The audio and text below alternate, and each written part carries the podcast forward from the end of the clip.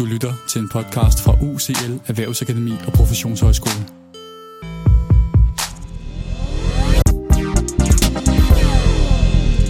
Velkommen til Shortpods, programmet der giver dig en pædagogisk relevant teori eller metode på cirka 5 minutter. Lad os komme i gang. Mit navn er Hasse Møller, og du skal her introduceres til den fransk-amerikanske socialteoretiker og forsker Etienne Wenger. Wenger er bedst kendt for sine begreber om legitim perifær deltagelse og praksisfællesskaber, udviklet i samarbejde med socialantropologen Jean Lave. Teorien kan betegnes for en social teori om læring, baseret på empiriske studier af blandt andet jordmødre, slagtere og skadesbehandlere. Og den søger at beskrive læringens sociale kompleksitet. Vi har valgt at lave en miniserie på fire afsnit, som dykker ned i Wingers sociale teori om læring, og via udvalgte begreber vil vi tegne de væsentligste træk og kvaliteter ved teorien op. Vi starter i det, der er centrum for det hele, nemlig fællesskabet, og nærmere det, som Wenger begrebsætter som et praksisfællesskab. Det udgøres og konstitueres af tre praksisdimensioner, henholdsvis gensidigt engagement, fælles virksomhed og fælles repertoire. Det er også de tre dimensioner, vi senere i denne miniserie skal forstå som praksisfællesskabets læringsdimensioner. Den første praksisdimension kalder han for gensidigt engagement. Et praksisfællesskab eksisterer, fordi medlemmer af et fællesskab engagerer sig i handlinger, der stemmer overens med de værdier, et fællesskab har. Med denne dimension siger Wenger også, at et praksisfællesskab ikke blot kan siges at være defineret af, hvem der kender hvem, og hvem der bor i samme område. Et praksisfællesskab er defineret ved, at vi gensidigt engagerer os i en fælles praksis. En familie er et godt eksempel på et fællesskab, hvor forskellige måder at engagere sig på kommer til udtryk.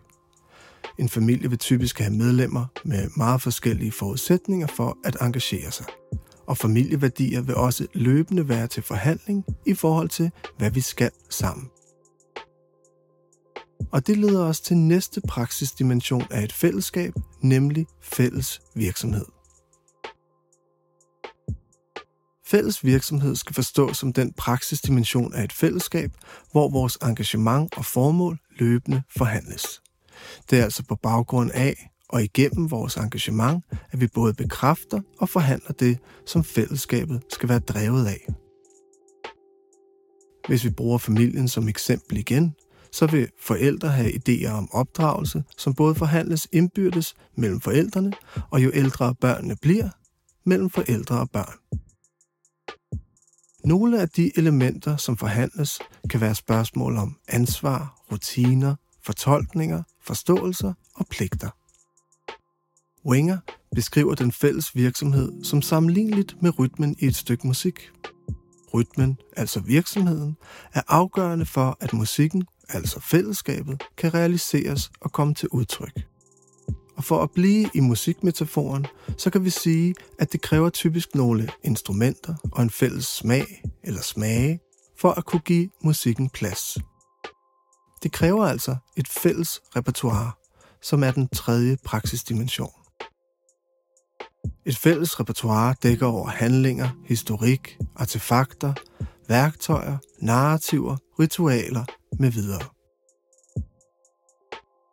Hvis vi overfører begrebet til en stue i børnehaven, så kan det fælles repertoire dække over de sange, som synges til morgensamling, de måder, vi taler om os selv på, de måder, vi behandler hinanden på, den mad, vi spiser, den fælles historik, de lege, vi leger, og de ting og sager, som er stuens gennemgående legematerialer og artefakter.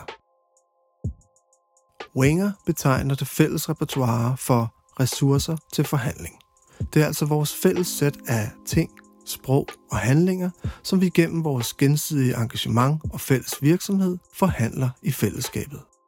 Et eksempel på disse forhandlinger af repertoire kan fint illustreres med studiegruppen som eksempel. Når en studiegruppe skal arbejde med en given opgave eller projekt, vil noget af rammen for dette fællesskab være givet på forhånd gennem den opgave, der skal løses, og det repertoire, der skal anvendes i løsningen. Men inden for dette spænd er der rig mulighed for forhandling af både engagement og repertoire. De studerende vil have forskellige ambitioner og kompetencer ind i fællesskabet, og de teorier, tilgange, handlinger med videre, som skal være fællesskabets drivende ressourcer, er sjældent noget, som alle er helt enige om.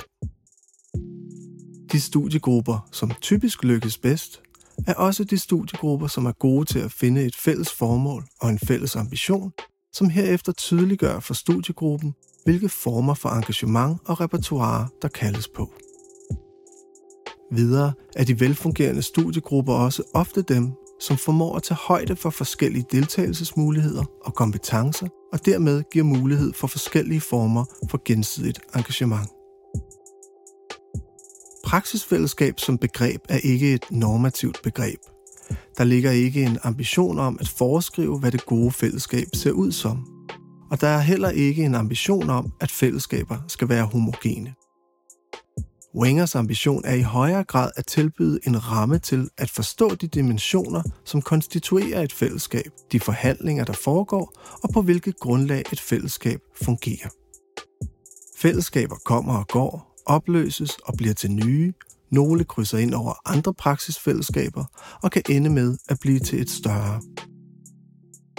Når Wingers begreb om praksisfællesskaber er anvendeligt i en pædagogisk kontekst, handler det om at kunne se mere nuanceret på vores målgruppers fællesskaber, fællesskabsdannelser og brud, og forstå, hvordan fællesskaber er læringens hypocenter. Det giver os således et andet startsted for at fortolke det enkelte individ som indlejret i fællesskaber, og fællesskaber som grundlag for læringsprocesser. Det giver os begreber til at zoome ind på specifikke elementer af fællesskaber og gøre dem til genstand for læringsanalyser. Vi kan stille os nysgerrige over for, hvordan fællesskaber forhandles, og hvis stemmer, der står stærkest. Vi kan se på de engagementstrukturer, som vores institutioner tilbyder, og overveje, hvorvidt det begrænser eller styrker målgruppers deltagelsesmuligheder i både større og mindre fællesskaber. Wingers begreb giver således anledning til nogle centrale pædagogiske spørgsmål, der vil kunne kvalificere den pædagogiske praksis.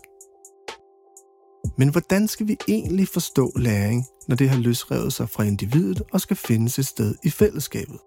Og hvordan går vi fra at have tre praksisdimensioner til at have tre læringsdimensioner? Det skal vi blive klogere på i næste afsnit af denne miniserie om Etienne Wenger og hans sociale teori om læring.